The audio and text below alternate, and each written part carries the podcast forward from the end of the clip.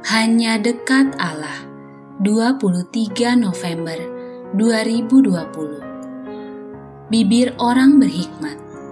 Amsal 10 ayat 13 hingga 14 Di bibir orang berpengertian terdapat hikmat.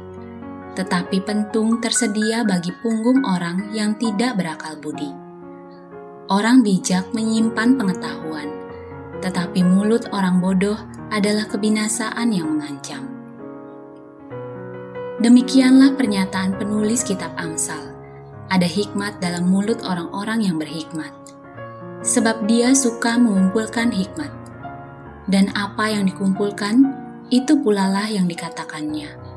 Orang yang dekat dengannya akan bertambah bijaksana, karena yang keluar dari mulutnya hanyalah mutiara-mutiara pembelajaran yang amat berguna dalam hidup. Salah satu orang yang suka mengumpulkan sekaligus membagikan pengetahuan adalah Jakob Utama.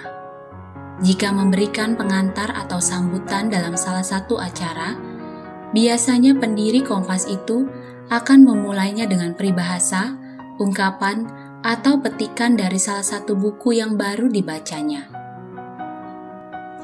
Gaya hidup macam demikian secara tidak langsung akan membuat orang-orang yang sedang berada di sekitarnya menjadi bertambah pengetahuannya. Sungguh beda rasanya dengan orang tak berhikmat. Sering yang keluar dari mulutnya adalah ucapan yang tak perlu didengar. Penilaian, keluhan, bahkan cacian terhadap orang lain. Jika tak hati-hati, kita mungkin akan jadi ikut-ikutan emosi. Cukup beralasan bagi kita jika menghindari orang macam begini.